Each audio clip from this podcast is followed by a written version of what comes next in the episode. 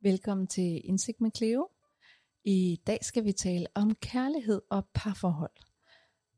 Man møder en, man bliver forelsket, man aftaler at blive kærester. På et tidspunkt skal man aftale, at man vil flytte sammen og få børn. Og man bliver måske også gift, hvis man træffer den beslutning. Men for mange vågner man op på et tidspunkt og opdager, at man er ved at gentage nogle mønstre, man har lavet hele sit liv. Man bliver trigget af de samme ting, eller man er faktisk bundet ulykkelig og på vej et helt forkert sted hen i livet. Men hvad er det, der gør, at vi har de her eksistentielle kriser? Hvad er det, der gør, at vi kommer til at forme hinanden på en bestemt måde, eller have en masse utilfredsheder med hinanden, som man ikke lagde mærke til i starten? Og hvad er det, der gør, at vi har svært ved at sætte ord på det og sætte grænser over for hinanden og bryde de her mønstre? Det kunne jeg rigtig, rigtig godt tænke mig at undersøge i dag. Og til det har jeg inviteret min dejlige, dejlige kollega ind. Hun hedder Malene Holmand. Hun er privatpraktiserende psykolog, og hun er også seksolog. Og hun ved forfærdeligt meget om parforholdsrelationer og strukturer og mønstre i kærlighed. Og derfor har jeg valgt at tage hende med i dag. Tak fordi du vil komme til denne dejlige samtale, Malene. Tak skal du have, Cleo. Hmm. Jeg ved, at øh, du har gjort dig nogle tanker om dagens emne, men først kunne jeg godt tænke mig, at lytterne lærer dig lidt bedre at kende. Så kunne du tænke dig at fortælle lidt om dig selv? Det kan være dine hobbyer, hvor du befinder dig henne, og ja, hvad der optager dig for tiden. Ja, det kan du tro, jeg gerne vil. Øh, lige nu der sidder vi jo inde hos psykologerne.dk, og vi sidder i den afdeling, der er på Rømersgade lige ved siden af Israels Plads. Øh, I Kleos lidt for varme kontor mm. her en sommerdag i august, men det er dejligt. Øhm, ja, jeg er uddannet psykolog fra Københavns Universitet og har også en seksologiuddannelse bag mig. Og jeg er privatpraktiserende psykolog i vores afdeling på Kikkuren på Islands Brygge. Og før det har jeg arbejdet i, i farmabranchen som organisationspsykolog. Og der har jeg arbejdet rigtig, rigtig meget med ledelses- og teamudvikling og relationelle dynamikker og konfliktløsning. Øh, så det jeg arbejder mest med i min praksis nu, det er alt muligt inden for relationelle problematikker og grænsesætning og, og ledersparing. Så det er jo både individer og par og ledere for organisationer, jeg overvejende arbejder med. Mm. Det er en fed forbindelse, fordi når man har et travlt forretningsliv, så har man også tit problemer i parforholdet. Ja. Man har ting, man gerne vil. Ja. Mm. Malene, vi har ofte de her prædefinerede tanker om, hvordan man indgår i et parforhold, ligesom jeg var inde på i starten. Og der opstår nogle udfordringer der. Hvordan tænker du om det? Hvilke mønstre er det, du ser? Hvilke problemer er det, du ser i det, når det, når det kører lidt for meget på automatpilot, som jeg lidt hensyder til i min indledning? Ja. Jeg tror egentlig, jeg vil besvare dit spørgsmål med et eksempel. Mm. Forleden så møder jeg en god veninde på gaden, og det er noget tid siden, jeg har set hende. Og så spørger jeg hende, hvad skal du lave i weekenden? Mm. Og så siger hun, jeg skal til min søsters bryllup. Og inden der er gået to minutter, så har jeg hørt mig selv stille spørgsmål som, ej, hvor skal de holde festen? Og er det i kirke eller på rådhus? Og øh, hvor mange gæster kommer der? Og det der er pointen her, det er, at jeg allerede har en foruddefineret antagelse omkring, at de skal holde en fest, mm. at der kommer gæster, og at de skal vise i en kirke eller på et rådhus. Og det kommer så egentlig af de normer og diskurser, som vi ligesom har omkring, hvordan noget er. Så når man tager definitionen bryllup, så har vi allerede knyttet nogle antagelser til, hvordan et bryllup foregår. Ja. Det samme har vi om et parforhold. Og de normer øh, er jo ligesom bygget op af både kulturelle forestillinger, de er bygget op af ting, som vi ser og hører i film eller læser i bøger, vores egne erfaringer og vores familiehistorik. Så det er jo sådan en blanding af forventninger, som er skabt både i vores egne hjerner og vores egne historier, men også af den kultur, vi er vævet ind i. Mm, der er nogle normer og skemaer fra kulturen. Præcis. Mm. Og det jeg ser, det er, at vi rigtig, rigtig ofte kommer til helt automatisk at hægte os op på de øh, normer, og så, så kører vi sådan set bare derud af derfra.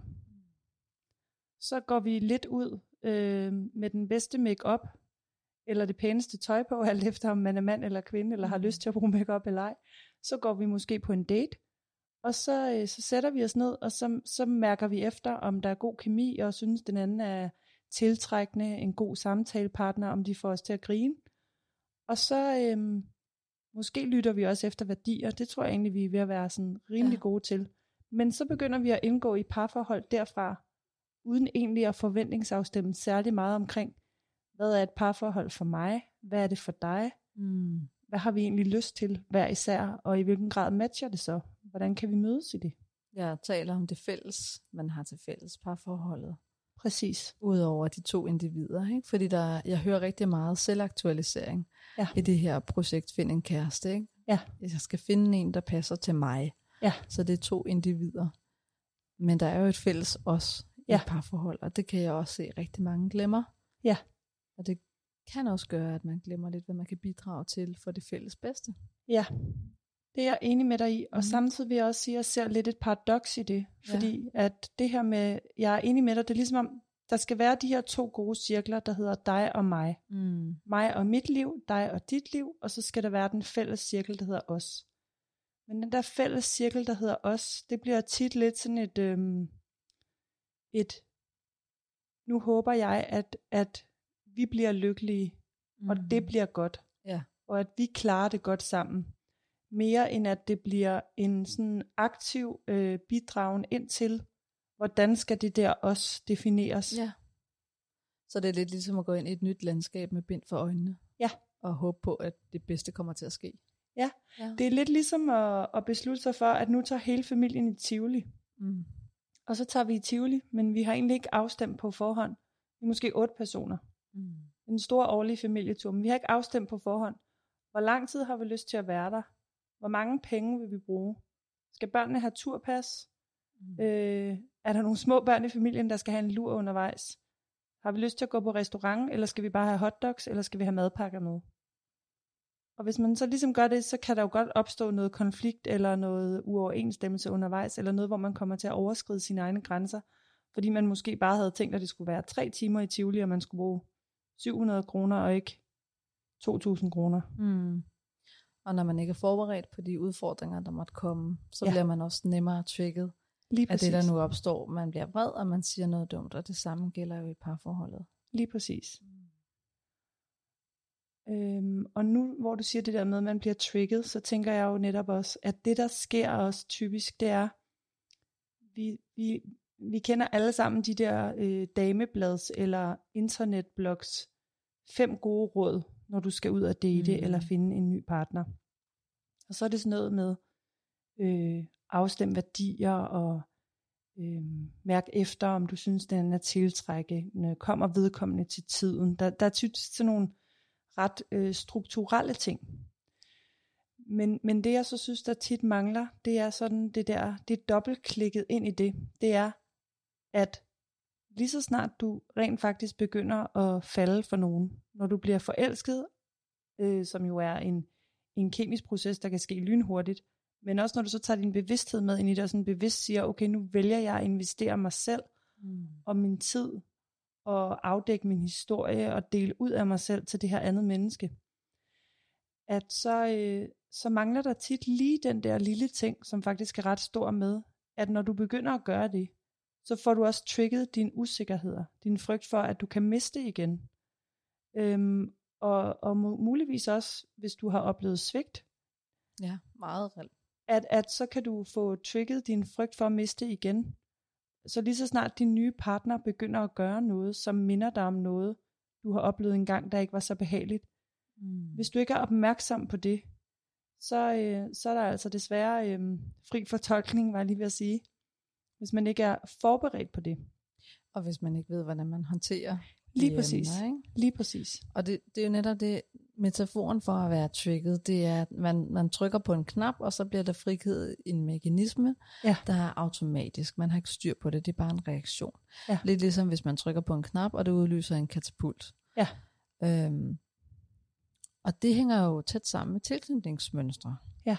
Og bare til lytterne derude, tilknytningsmønstre, det er en, en teori, øh, som der er forsket rigtig, rigtig meget i, og den, den viser sig at have rigtig godt hold i det. Men det er en teori om, hvordan vi knytter os til forældrene, øh, typisk moren som helt lille spæd, men det kan selvfølgelig også være til faren, som også er en primær omsorgsperson. Og de mønstre, de fortsætter så ind i det voksne romantiske parforhold. At man i visse situationer reagerer på bestemte måder, fordi det er ens forsvarsmekanisme. Det er det, man har indlært fra helt tidligt med de gamle kerneantagelser og de gamle leveregler. Og det, der ofte sker, er, at man enten trækker sig ind i sig selv øh, på forhånd, bliver meget vaksom for, hvad der kan ske, og man vil blive svigtet, og øh, man søger at undgå den anden, eller undgå konfrontation, eller undgå kontakt, eller afslutte relationen. Det er det tilknytningsmønster, man kan kalde det en undgående tilknytningsmønster. Og det er altså her, hvor øh, mor eller far eller begge ofte har været lidt fraværende øh, eller uforudsigelige, eller har skilt for meget ud.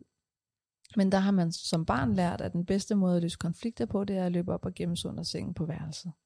Og det er så det, man tager med, når man kan mærke, at man bliver lidt overstimuleret, eller frygtsom, øh, eller skuffet. At så er det bare lige meget, så giver man op, så kollapser systemet. Det kan også være, at man begynder at gabe, fordi at vagusnerven er overstimuleret og kollapser, og man går i frys og flygt. Så er der den øh, angst ambivalente tilknytningsstil, som ofte sker ved øh, forældre, der er uforudsigelige, og øh, som kommer nogle gange, når barnet kalder, og andre gange slet ikke kommer. Og her er barnet, øh, det frygter, at man er på vej væk, og man kan miste, og det er jo netop de mønstre, der opstår som voksen også. Altså frygten for, om den anden vil forlade en, så bliver man måske meget dramatisk, eller man kimer den anden ned, eller man bliver meget ked af det, og, og øh, bliver ramt af ængstlige følelser, som han har brug for at udtrykke. Øhm, en, et god eksempel på det fra filmverdenen er øh, manden fra The Notebook.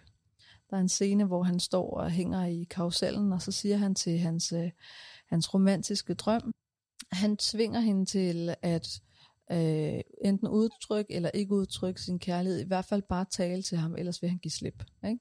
Mm. Meget dramatisk gestus, hvor det er liv og død. Så, så ofte kan de her angstambivalente tilknytningsmønstre, forsvarsmekanismer, mistolkes som noget romantisk. Men det er ofte mere destruktivt end som så. Og så er der den sidste, som er den normale tilknytning. Det er den øh, overvægten af os har. Men det er vigtigt at huske på, at det her det er altså normalbefolkningen. Det er omkring 45 procent, der har sikkert tilknyttet, og så er det cirka halv-halv for de angstambivalente og de undgående tilknyttede. Det har man undersøgt i forskning i forhold til voksne mennesker. Men den normalt tilknyttede person er altså en, der har tillid til parforholdet. En, der har tillid til, at det hele nok skal gå. Øh, en, der tror på den eneste ene og ikke frygter utroskab. Den med en undgående tilknytningsstil gør, hvad man kan for at undgå konflikt, og vil hellere forlade, end at blive forladt. Og tager for givet, at man bliver forladt. Øhm, men er ikke bange for det. Hvor den med en angst tilknytningsstil er bange for at blive forladt, og det er det, man reagerer på. Og det er det, man søger at undgå ved at, at øh, lade dramaet komme frem, hvis man kan kalde det det. Ikke? Men, men det er jo ikke bevidst drama, det er en forsvarsmekanisme, når man når man får for mange følelser. Og det er jo netop følelserne, der bliver trigget.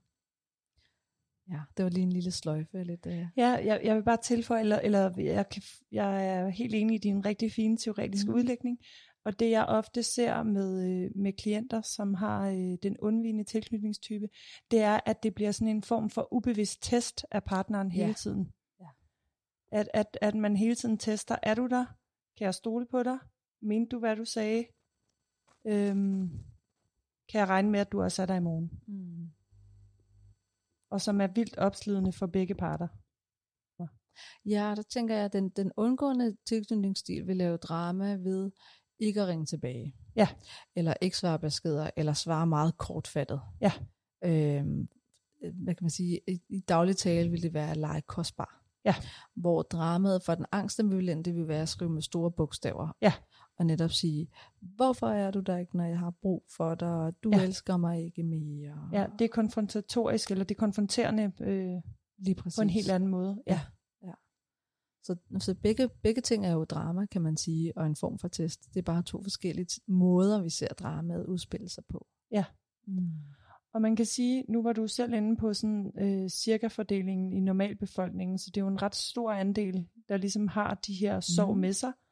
Og det betyder ikke, at, øh, altså den gode nyhed er, kan man sige, at det her kan man arbejde med. Ja, præcis. Og det er jo det, der er det vigtige. Det vigtige er egentlig ikke, om man har den ene eller den anden tilknytningstype, men at man kan arbejde bevidst med det her, med sig selv og ind i sit parforhold. Og det er også vigtigt at sige, at det ikke er noget, det er ikke nogen generel lov om, hvordan man fungerer i et parforhold. Men det er mønstre, der opstår i konflikter. Ja. Så hvordan er det, min krop reagerer, når jeg går på automatpilot? Det kan, det kan tilknytningsstilen sige noget om. Præcis. Altså jeg ved med mig selv, hvis jeg har, hvis jeg har PMS eller går i drama, så bliver jeg nervøs for at miste. Ikke? Og så går jeg ind i den ængstlige, selvom jeg egentlig er en rimelig øh, rodfæstet kvinde, der har godt styr på mig selv og mit kærlighedsliv. Men Ja. jeg får stadigvæk de her mønstre. Ja. Fordi det er, det er gammel lort fra fortiden. Fordi du er et menneske. Ja, lige præcis. Og fordi jeg også har dårlige dage og hormoner. Ja. Og så tænker jeg, at vi skal prøve at kigge på det her med, hvordan man arbejder proaktivt med ens triggermønstre. Ja. Tænker du ikke det? Det tænker jeg kunne være rigtig, rigtig interessant. Øhm. Og det kan man jo gøre på mange måder. Men det jeg først og fremmest tænker, der er relevant, det er egentlig, at hvis man er på vej ind i et parforhold, mm. og man er et menneske, der ved, at man gerne vil arbejde bevidst med at udvikle sig selv i forhold til det her, så er det selvfølgelig først og fremmest vigtigt, at man finder en partner, der er med på det. Ja. Fordi du kan gøre meget for dig selv, og det skal man også. Men, men det er mindst lige så vigtigt at have en partner, der er med på det. Så når man sidder og lige pludselig føler sig helt vildt forladt, eller helt vildt jaloux, eller helt vildt utryg over et eller andet, som ens partner gør, at man så har mulighed for at tage det op og sige, hey, nu kan jeg mærke, at det her sker i mig. Mm. Mm. Gider du lige øh, vende det sammen med mig og processe det sammen med mig, så vi kan finde ud af, hvad der egentlig sker her. Ja, for det er jo en fælles udviklingsrejse. Lige præcis. Så hvis den anden ikke er interesseret i at kigge indad Ja. og tale det her sprog, som Ja. handler om følelser og mønstre og Ja. symboler, så bliver det rigtig svært. Hvis, hvis den anden enten ikke vil eller ikke kan. Mm. Fordi nogle gange kan det også være, at den anden gerne vil, men måske ikke er helt klar endnu. Mm. Og der må man så også være ærlig nok over for sig selv i forhold til at sige, jamen, er det så en partner, der matcher mig nu? Ja, præcis. Jeg ser ofte i parforhold, at den, den ene part har rigtig svært ved at mærke og udtrykke følelser. Ja. Netop der, jeg tænker, at det er godt at normalisere det og sige, Ja. sådan er der rigtig mange mennesker, der fungerer. Det her er pisse svært for dig. Og det at tale om parforhold handler rigtig meget om at tale om følelser. Ja. Og så kan man, det er i hvert fald måden, jeg arbejder på, man kan komme omkring det på andre måder, lidt ligesom med kærlighedssprog, at man skal, man skal give det, man ved, den anden sætter pris på, Ja. i stedet for at give det, man selv vil have. Ja. Så hvis den anden har svært ved at tale om følelser, så tal den anden sprog. Ja. At, øh, at jeg kan se på dig, at du får rigtig mange tanker, når jeg siger de her ting. Ikke? Jo. Altså, fordi det kan vedkommende genkende. Det er jeg helt enig med dig i. Det er den ene vej. Og den anden ting, jeg også typisk ser, der sker, eller ofte kan ske i parforhold, det er, at når den ene så er, er bedre til at Mm. mærke efter, og måske også hurtigere at sætte ord på. Det kunne typisk, jeg ser en overvægt af kvinder, der kan være gode til det. Ja. I At hvert så- fald den at- feminine energi. Ja, Men den feminine energi, vi, altså altså, vi skal ikke generalisere for meget, men, men jo, lad os, lad os gøre det nemmere at, at, at tale om de Ja. to parter i et parforhold. Ja, så det er ikke fordi, det er et spørgsmål om kvinder eller mænd, men det er fordi, det er nemmere at tale ud fra de forskellige poler. Ja. Ved at Ja. sige kvinder og mænd, eller den feminine og den maskuline energi. Men, men så ser jeg også, at det der nogle gange kan ske, det er, at hvis der så er nogen, der indgår i et parforhold, og så for eksempel kvinden kan være bedre til at hurtigere mærke efter og sætte ord på, og manden måske ikke er så vant til det modus, eller ikke trives med det, har brug for længere tid, så kan hun blive den, der gør det mest og bedst, og så dermed nærmest også begynde at gøre det for ham. Mm. Hvorved at der så kan opstå sådan en lidt uheldig dynamik med, at han så øh, bliver endnu dårligere til det, fordi han egentlig ikke får så meget plads, eller ikke tager sig pladsen til at øve sig i det. Og så kan det i sig selv blive en uheldig dynamik øh, ind i, i parets relationsdannelse. Ikke? Ja. Jeg hører sådan en, øh, en langsom form for øh, det, man kan kalde for psykologisk kastration. Ja. At hun overtager lidt det, han skal til at sige, eller Ja. han er enig med hende i øh, hvad som helst, eller han Ja. spejler sig i det, fordi at hun gør jo det hårde arbejde for ham. Det er Ja. meget nemmere at, at genkende det, hun siger, og nikke og sige ja til det, end det er selv at skulle mærke efter og sige fra og stille krav. I hvert fald på den korte bane. Mm. Fordi pointen er, at, at, at ingen af dem bliver tilfredse af det. Præcis. Hun bliver mere og mere frustreret over, at hun føler, at hun måske både er facilitator og psykolog og indpisker, samtidig med at hun også er kæreste i det her parforhold. Og han føler sig endnu mere øh, inkompetent og kørt af banen og dirigeret.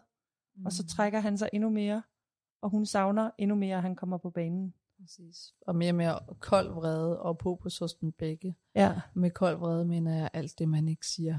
Ja. Alle de der øh, mørke tanker, man kan have i løbet af en dag, som man ikke rigtig tør sige. Hun er træt af at sige det, og han overgår det bare ikke længere. nej. Så der opstår sådan en passiv-aggressiv boble, Mm. som egentlig kan eksplodere lidt når som helst. Ja. Øh, Det er meget generaliserende, men det har jeg bare set så mange gange. Ja. Altså, det er et klassisk parforholdsmønster, når man kører galt i den. Øhm, Jeg kalder den den kastrerede og kastratoren. Og, og, og her der tænker jeg også, at det er vigtigt at igen nævne det her med at gå meta. Og gå meta betyder jo ligesom at gå et skridt op. Så i stedet for at sidde og diskutere, hvem der har ret, eller om hans eller hendes perspektiv er mest vigtigt, så egentlig have evnen til at sige, hov, hvad er det lige, der sker lige nu? Præcis. Hvordan er det, vi taler sammen om vores forhold lige nu, eller taler sammen om et eller andet? Mm. Og det her, det proaktive kommer ind i billedet, kan jeg høre. Ja. Fordi det er her, man skal, man skal kunne have evnen til at mærke stemningen i rummet. Eller ja. at mærke, okay, er vi stadig venner? Er det her en venskabelig samtale, eller er det blevet til en diskussion? Og hvad er det egentlig, der er vigtigt for os begge to at tage op? Hvad er vores fælles problematik? Mm. Og det er jo netop det, vi arbejder med, at få et øje for i parterapien. Ja. Og det er jo en af måderne at, at uh, arbejde med sine triggerpunkter på, og sin dynamik i forholdet, og blive lidt proaktiv, tænker jeg. Mm. Helt enig. Øhm, ja, fordi det er jo også en af de der ting, vi, vi tit øhm, vi tit ryger ind i som automatik, det er den der med, at, at nu skal jeg have en partner, som skal gøre mig lykkelig. Mm. Og det er aldrig vores partners ansvar at gøre os lykkelige. Jeg plejer at sige, at det er vores partners ansvar at gøre os trygge. Ja. Til at udtrykke de behov, som kan gøre os lykkelige. Men det er, det er vores eget ansvar Mm. at give udtryk for, hvad det er for nogle behov, vi har. Og der tænker jeg også, at vi, øhm, at vi tit, især øh, hvis, hvis man bare tager en runde på Netflix og finder sådan 10 random romantiske film, Mm. Apropos. ja, apropos, så vil storylinen rigtig tit være noget med, at, øhm, at mand og kvinde møder hinanden, og, øh, og så kommer den her fantastiske mand, som er i stand til at se alle kvindens behov, Mm. næsten uden at hun havde sagt noget. Ja, han kan fuldende hende. Han kan fuldende hende lige præcis, han kan gøre hende helt. Og så er vi jo tilbage ved øh, barndommens symbiose og tilknytningsmønstrene, kan man sige. præcis. Fordi det var jo der, hvor vi rent faktisk havde brug for at blive fuldendt og Mm. set og følelsesmæssigt afstemt af vores øh, voksne primære omsorgspersoner. Mm. Øhm, og de sorg, som vi så tager med os derfra, fordi det jo aldrig nogensinde lykkes 100% til fulde. Der vil jo altid være situationer, hvor vores forældre, de, øh, de begår fejl eller træder ved siden af, så, så vi på en eller anden måde får nogle små sorg eller større med os. Øh, dem har vi en tendens til at tage med os over i parforholdet, og så håbe på, at nu kommer den her anden partner, eller den her anden part, der kan fuldende os. Mm. Øhm, Der, der taber vi jo ind i de klassiske myter. ja, Altså det her med, at jeg er et halvt menneske, jeg har brug for min anden halvdel i Ja. ja. øjne, så er vi et helt menneske. Men, men pointen er her, at for at finde en, der hviler i sig selv, og som også er et dejligt helt menneske, så skal man have klaret sit eget shit først. Ja. Fordi det er netop, når vi, er, når vi finder ro med os selv og er i balance med os selv, at vi tiltrækker personer af samme type. Ja. Og det er der, hvor man, man kan gå helhjertet ind i et parforhold, hvor man arbejder med selvudvikling i parforholdet i større grad. Ja. Ikke at sige, at man ikke kan være i et parforhold, øh, hvor man har sine skeletter og sine ubearbejdede ting. Det er slet ikke sådan. Men man skal være opmærksom på, at, at har man nogle ubearbejdede ting, før man går ind i parforholdet, så vil der være en større risiko for, at man tykker hinanden i nogle ubevidste mønstre. Og vi vil næsten altid, uanset hvor gamle vi bliver, have nogle ubearbejdede ting, vi tager med os ind i et parforhold, uanset om det er parforhold nummer 1 eller nummer 17. Og det, der så bliver det relevante der, det er, at den partner, man så nu engang er sammen med, er med på, at hey, det kigger vi da bare på. Mm, det er præcis. Øhm, det kan lyde, det kan, det, jeg, jeg sidder og tænker, måske kan det komme til at lyde enormt tungt, eller som om, at det eneste, man så laver, når man er kærester, hvis man er i et parforhold, hvor man har sagt ja til selvudvikling, det er at sidde og processe og tale om, hvordan vi har det sammen. Mm. Øh, det tænker jeg slet ikke er tilfældet. Jeg tænker, at det meste af tiden, der, øh, der gør man jo bare det, man nu end gør i et parforhold, som giver mening. Øhm, Ja, jeg tænker også, at hvis det var tilfældet, at man gjorde det hele tiden, så ville det være på den feminine energis præmisser. Ja. Så taler vi kun kvindens sprog, så at sige, hvis vi skal skære Ja. ja. lidt skarpt ja. op. Og så er vi allerede ved at kastrere manden.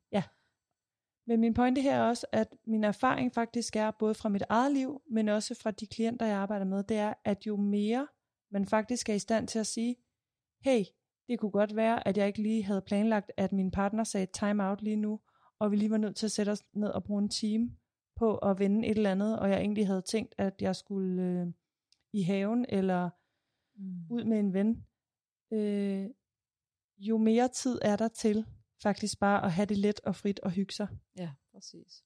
Jeg Fordi der lidt- bliver ryddet op, Ja. og der er rent bord, og man føler sig fri i forhold til hinanden. Og afslappet. Mm. Jeg ser det lidt som en investering i fremtiden. Hver gang man har de her udrensninger, kalder jeg det. Ikke? Det lyder mm. lidt spirituelt, men det betyder, at der er noget, der er noget grums, man fjerner. Ja. Man renser vandet med. Men, men netop også det kan have forskellige perceptioner eller syn. Ikke? For har man en, en ængstelig mønster, eksempelvis, så kan man godt komme til at se de her samtaler som konflikter. Ja. Altså de bliver fortolket som, som øh, mere konfliktfyldte, end de ellers kunne være, hvis man er frygtløs, og man er normalt tilknyttet, og, og man stoler på, at man har den anden, så det er slet ikke sikkert, at man har lyst til det. Man kan sammenligne det lidt med et glas vand.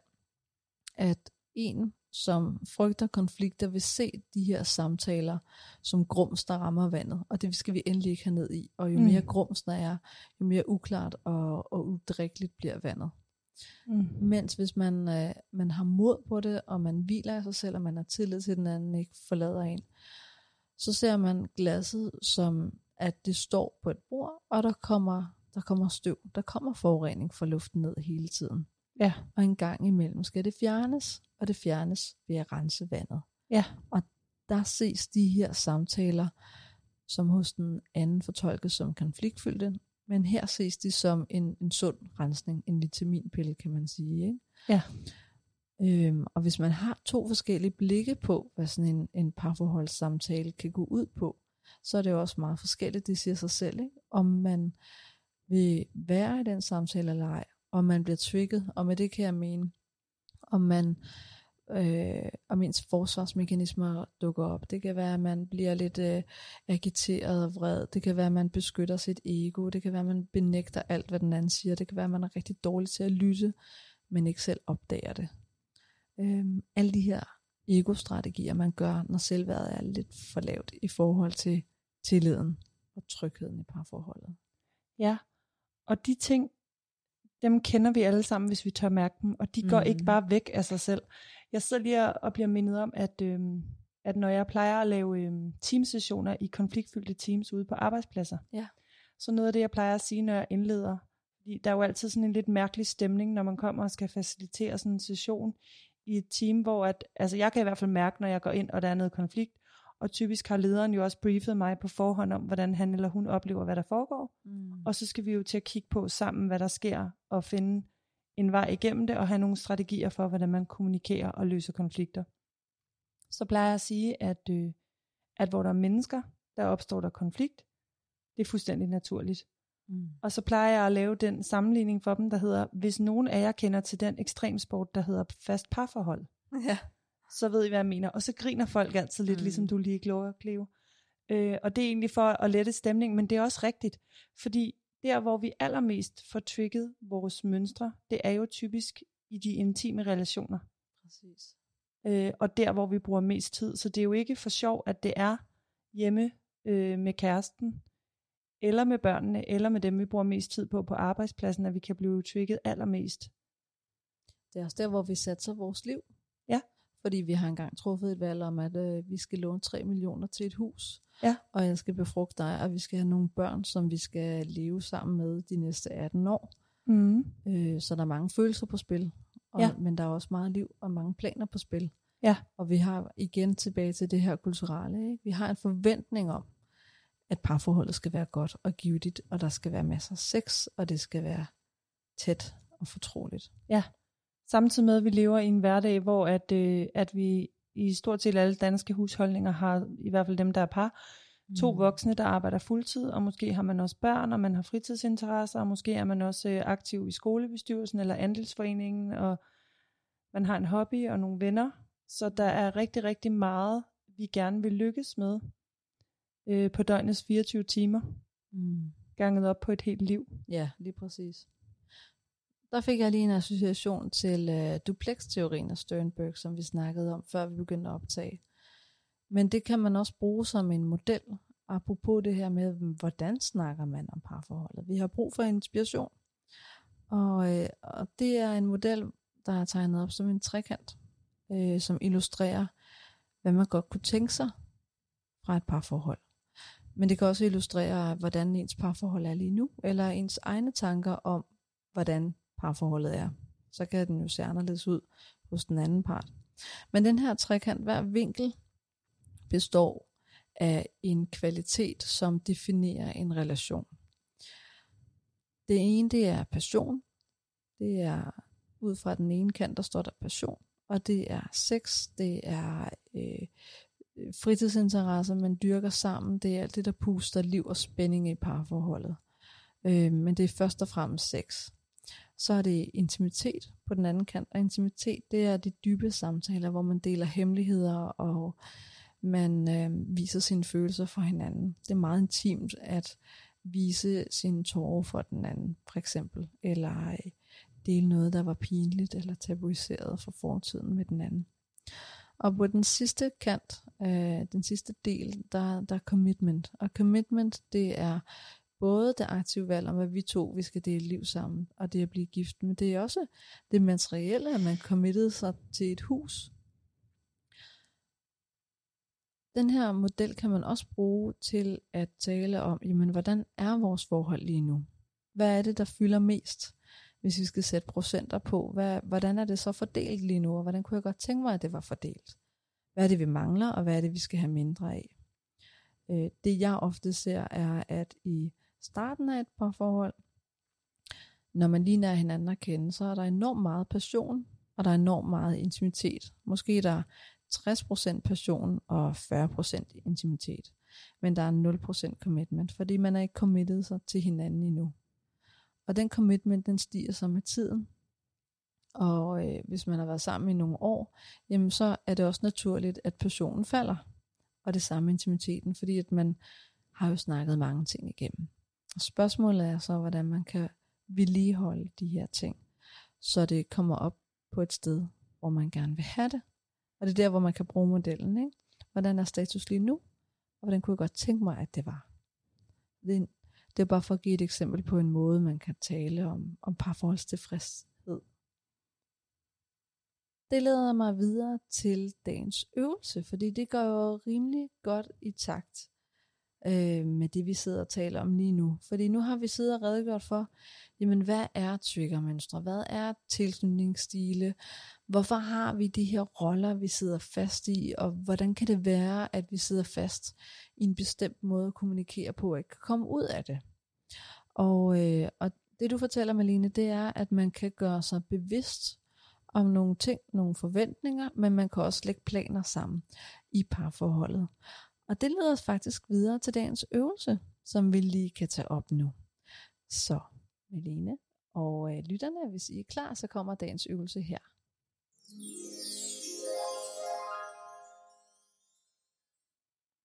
Ja, det som jeg har taget med til jer i dag, kære lytter, det er en øh, øvelse, som man kan lave for sig selv, først og fremmest, og sekundært med sin partner, hvis man er i et parforhold.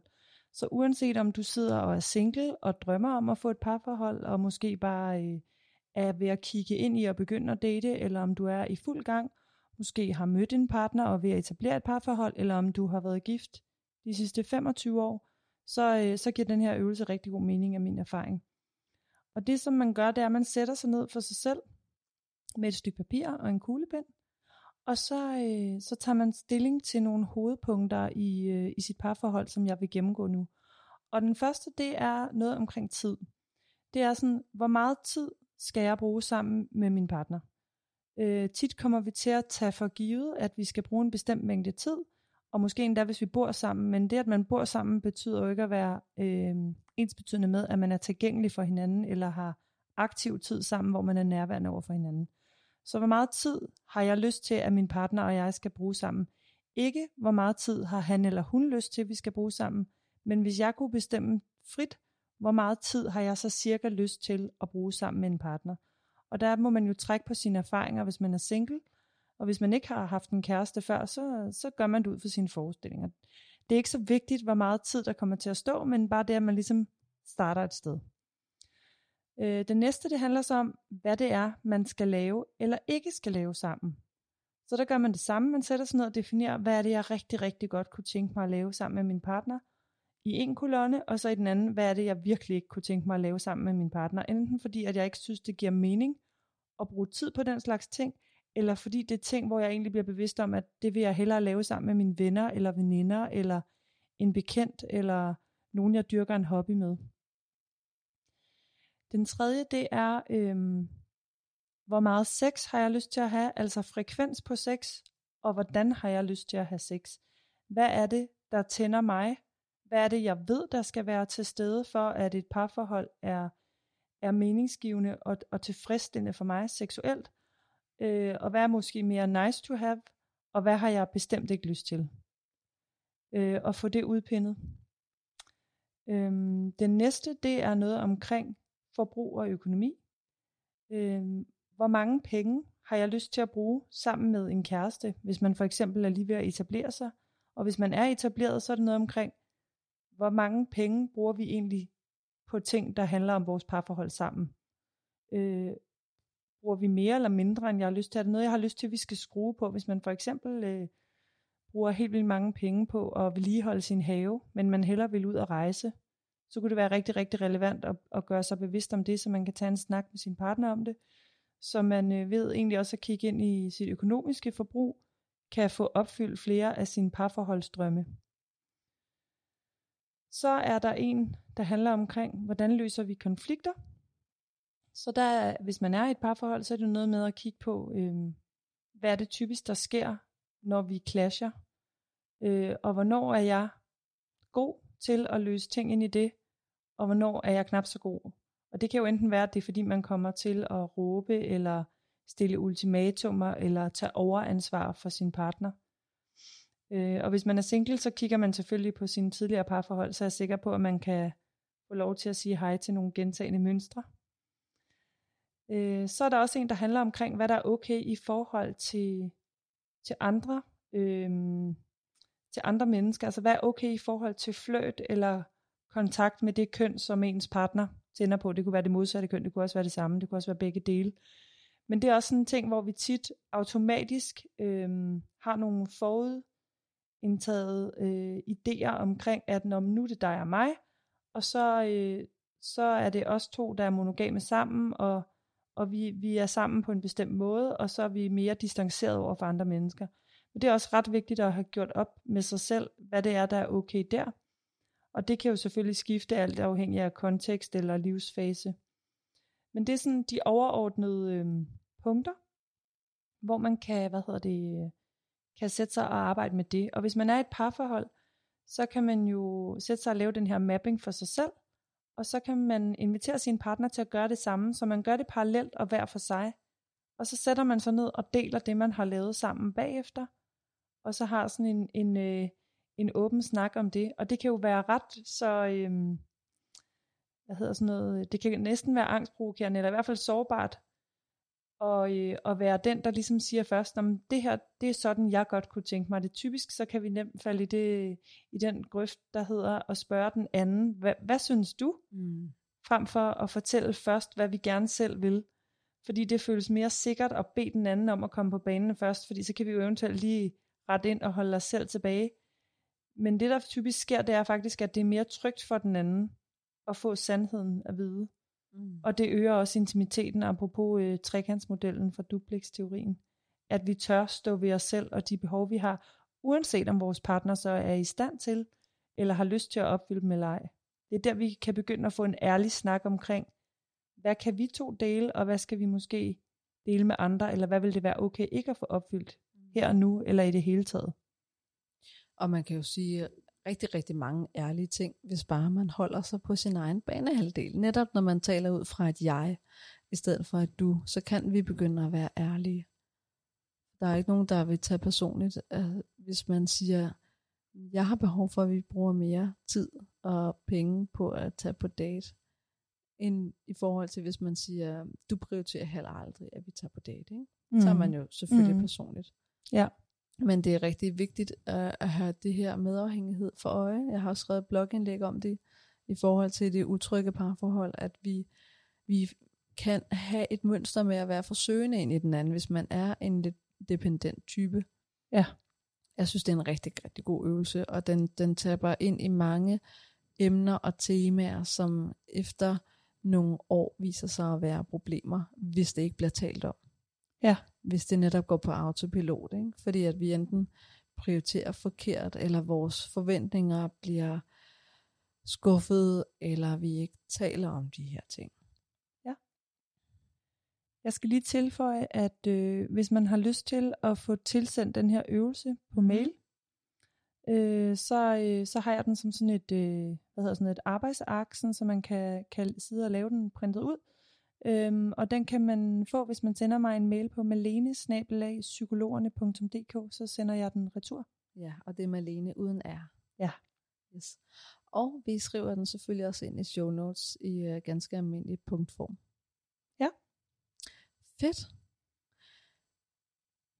Jeg synes, at uh, vi har haft en meget, meget god samtale om det at være proaktiv og tage ansvar i forhold til sin, sin kærlighed og sit parforhold. Ja. Og jeg tænker, at det, det taber ind i det her med at stå ved den man er, og være autentisk og ja. udtrykke sine behov. Fordi at så ved den anden, hvad man har med at gøre. Og så bliver man også klar på ens værdier og øh, ens bevidsthed om, jamen passer vi overhovedet sammen? Kan det, vi står med, overhovedet løses, eller er vi ved at spille hinandens tid? Og det er der, hvor at man kan undgå at vågne op der som 50-årig og blive bevidst om, at man har levet 10 år i et parforhold, som ikke længere er autentisk. Altså den her, det her hamsterhjul, den eksistentielle krise. Ja. Du rynker på næsen, det kan lytterne ikke se. Hvad er det, du Det er tænker? fordi, jeg tænker, eller måske endnu værre, at det aldrig var det. Ja. Altså, det er jo ikke, det er jo ikke særlig, hvad hedder sådan noget, flatterende at sige, men, men det sker jo. Ja. At, øh, at man kommer så lidt i kontakt med sig selv, så man i rigtig mange år får lullet sig ind i noget, som aldrig rigtig var godt, og aldrig rigtig blev det. Ja, det er præcis. Den gode nyhed er, at det er aldrig for sent at vågne op. Nej.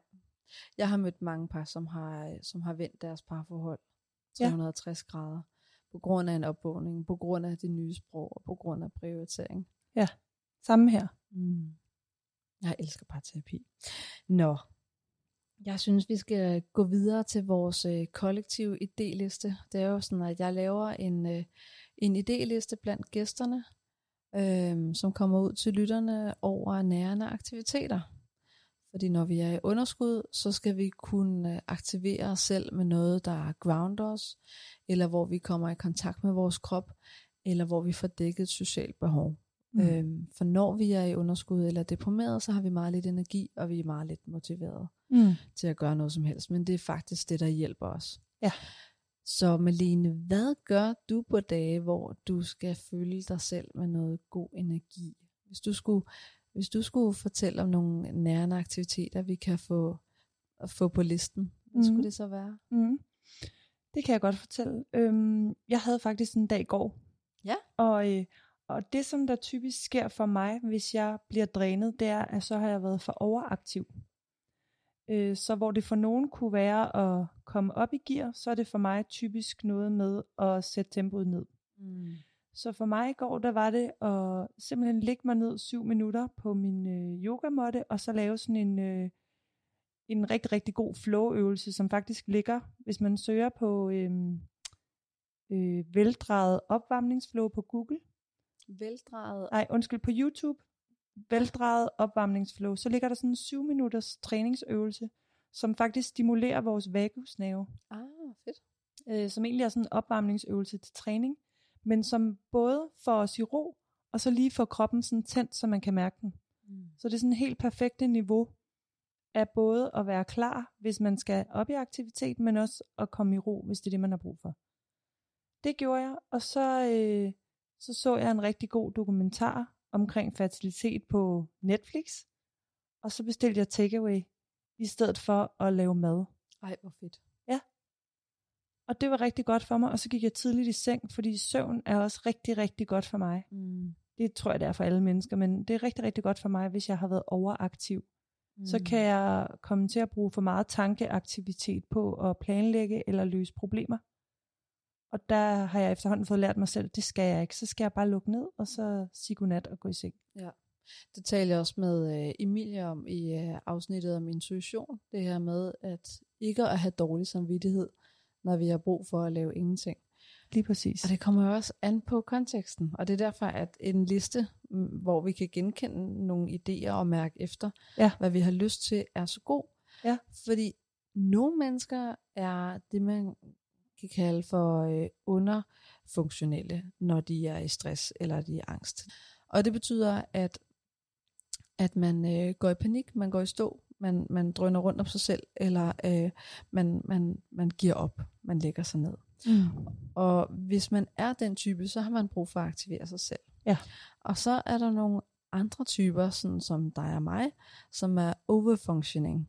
Ja. Eller øh, over, øh, hvad skal man sige, overfungerende, Ja. overkompenserende, som, som kører et højt gear, når vi er mere miskontrol. At vi prøver at få styr på ting, og vi får fat i folk, der kan hjælpe os, og vi prøver lidt at kontrollere det hele, og slukke nogle ildebrænde. Mm. Vi skal lære at sætte tempoet ned, Ja. modsat, ikke? Så det kommer også an på, hvad man har brug for på den enkelte dag at mærke efter. Øh, og apropos det her med underfunctioning, så kommer jeg lige til at tænke på noget andet, fordi jeg mødtes øh, med en veninde i går, og hun har nemlig den modsatte tendens. Ja. Og der var det lige præcis, at jeg sagde til hende, jeg tror, du skal ud og gå en tur. Ja. Fordi det fungerer, det er min erfaring med, med klienter, øh, når man altså næsten kan sidde der som sådan en frosset rådyr i lyskejlen, eller helt død sild, og ikke kan mærke noget. Så mm. det er Mm. næsten lige meget, hvad du gør. Bare du begynder at gøre noget, der får gang i kroppen, så du kan mærke dig selv, altså på en god måde. Mm. Og der synes jeg, at en, en gåtur, det er næsten altid lige ved hånden, og du får, du får energien rundt i kroppen, og de fleste begynder bare at kunne mærke et eller andet, bare jeg gør det. ja, hvis man har en have, så er havearbejde også rigtig godt. Ja, og især det der med at flytte sig fysisk ud af det sted, hvor man, fordi når man typisk bliver underfunctioning, Mm. så sidder man også sådan fysisk, geografisk fast det Ja. ja. samme sted. Så det der med simpelthen at flytte sig fysisk udenfor, hvis du sidder indenfor i dit hus eller lejlighed. Altså det med at komme hen i en anden setting, det gør typisk også noget.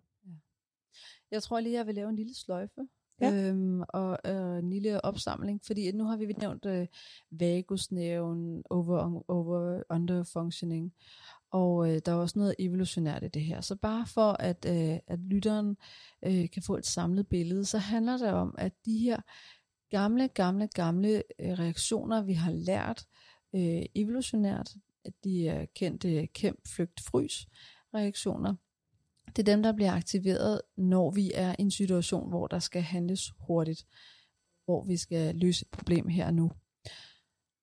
Vagusnerven er koblet til det på den måde, at hvis den er, øh, hvis den er meget aktiv, jamen så er den enten i flugt eller i kamp. Det vil sige, at vi handler på det. Øh, og når man er i kamp, så stemmer det overens med det, vi øh, i det moderne sprog kalder overfunctioning. Det vil sige, at vi handler på det. Vi gør alt muligt. Og når vi er i øh, flugt, jamen, så er det typisk øh, en underfunctioning. Og det samme gælder frys. Øh, og her er det fordi, at vagusnerven er så overstimuleret, at den kollapser. Så den sender simpelthen signaler til, at man har brug for at lægge sig ned og man føler sig meget søvnig, eller man går i panik over alt det, man ikke kan. Så kamp, flugt og frys er altså koblet til vagusnerven, og det er den måde, man reagerer på, som så også er koblet til, om man er overfungerende eller underfungerende. Og vagusnerven har brug for balance, det vil sige, at man skal helst gøre det modsatte af, hvad ens impuls i den situation siger, man skal gøre. Så når man er færdig med at kæmpe, skal man sørge for at slappe af. Hvis man er gået fuldstændig i stå og bare har lyst til at lægge sig ned og sove, så kan det netop være, at man har brug for at gå ud og gå sig en tur. Nu er vi nået til dagens anbefaling.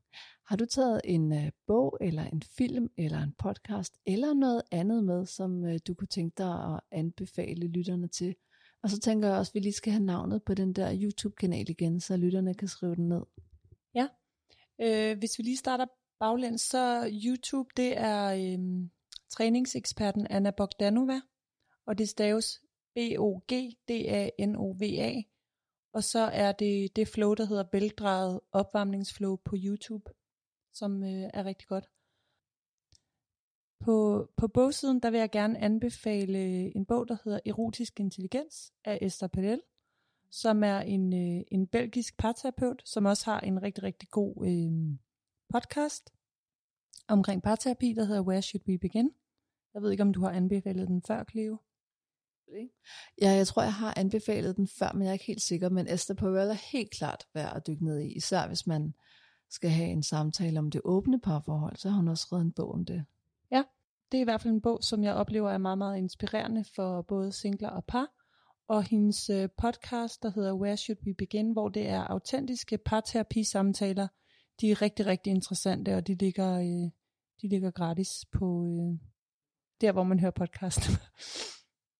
og Malene, hvis man øh, kunne tænke sig at komme i kontakt med dig, øh, hvordan kan man øh, så kontakte dig? Der var en e-mail, der hed malenesnabelag.psykologerne.dk, og så holder du til inde på kigkuren på Islands Brygge. Er der noget, jeg har glemt?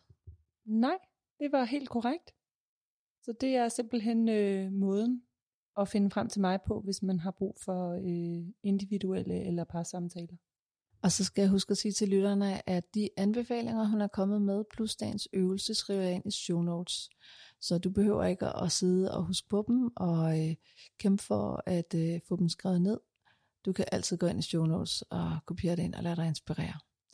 Tusind, tusind tak, fordi du kom, Malene. Selv tak, Cleo. Det var en fornøjelse.